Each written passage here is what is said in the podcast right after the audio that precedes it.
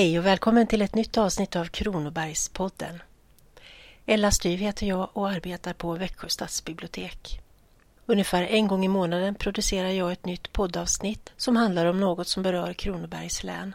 Och i det här programmet handlar det om våld mot kvinnor i gången tid.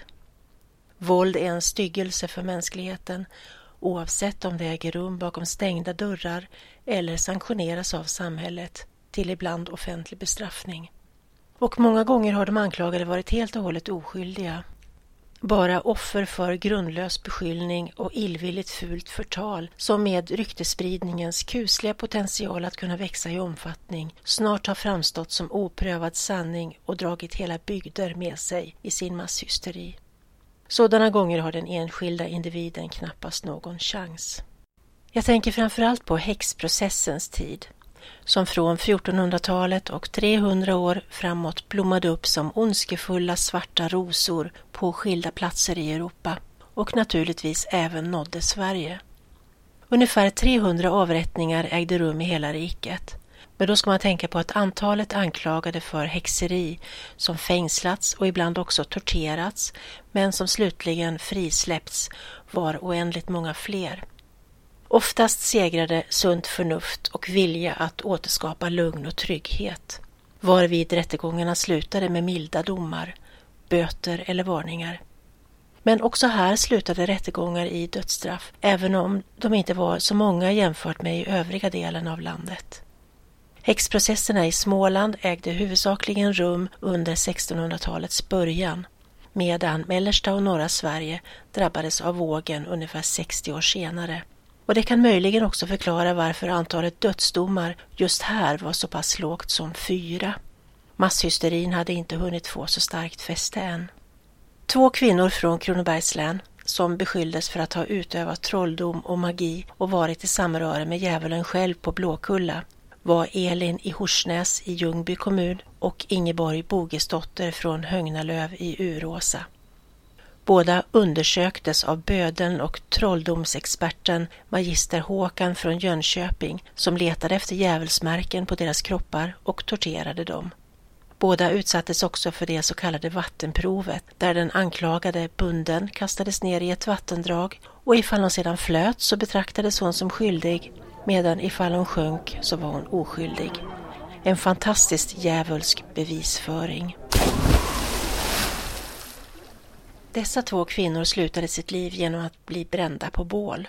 Harry Sjöman har levande gjort Ingeborg Bogesdotter i sin roman Häxan i Uråsa, en klassiker från 1979.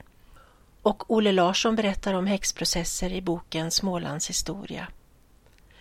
Andra författare som har inspirerats av denna mörka historietid till att i skönlitterär form berätta om hur människor utsatts för förföljelse är Olof Svedelid i ungdomsromanen Mor är ingen häxa, som också den utkom 1979.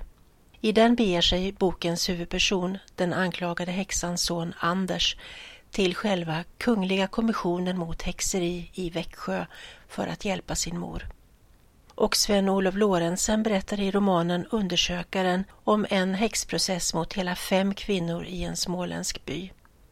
Alldeles nyligen utkom också Birgitta Thulin med en roman med titeln Anklagad som handlar om hur avundsjuka, bitterhet och rena lögner smutskastar en oskyldig kvinna i Aringsås i Alvesta kommun och därigenom högst konkret förstör hennes liv. Men kvinnovåld begränsas ju inte till enbart häxerianklagelser. Förtryck och våld, även psykiskt, kan ta sig så många olika uttryck. En person som mer eller mindre vigde sitt liv åt att gestalta historiska människoöden med verklighetsbakgrund var Helga Lindberg från Härlunda i Älmhult. Genom att studera arkivmaterial och domstolsprotokoll fick hon den historiska romanen till sina berättelser som hon sedan inlevelsefullt målade upp varvid hon särskilt skildrade just kvinnans utsatthet och vedermödor under gången tid.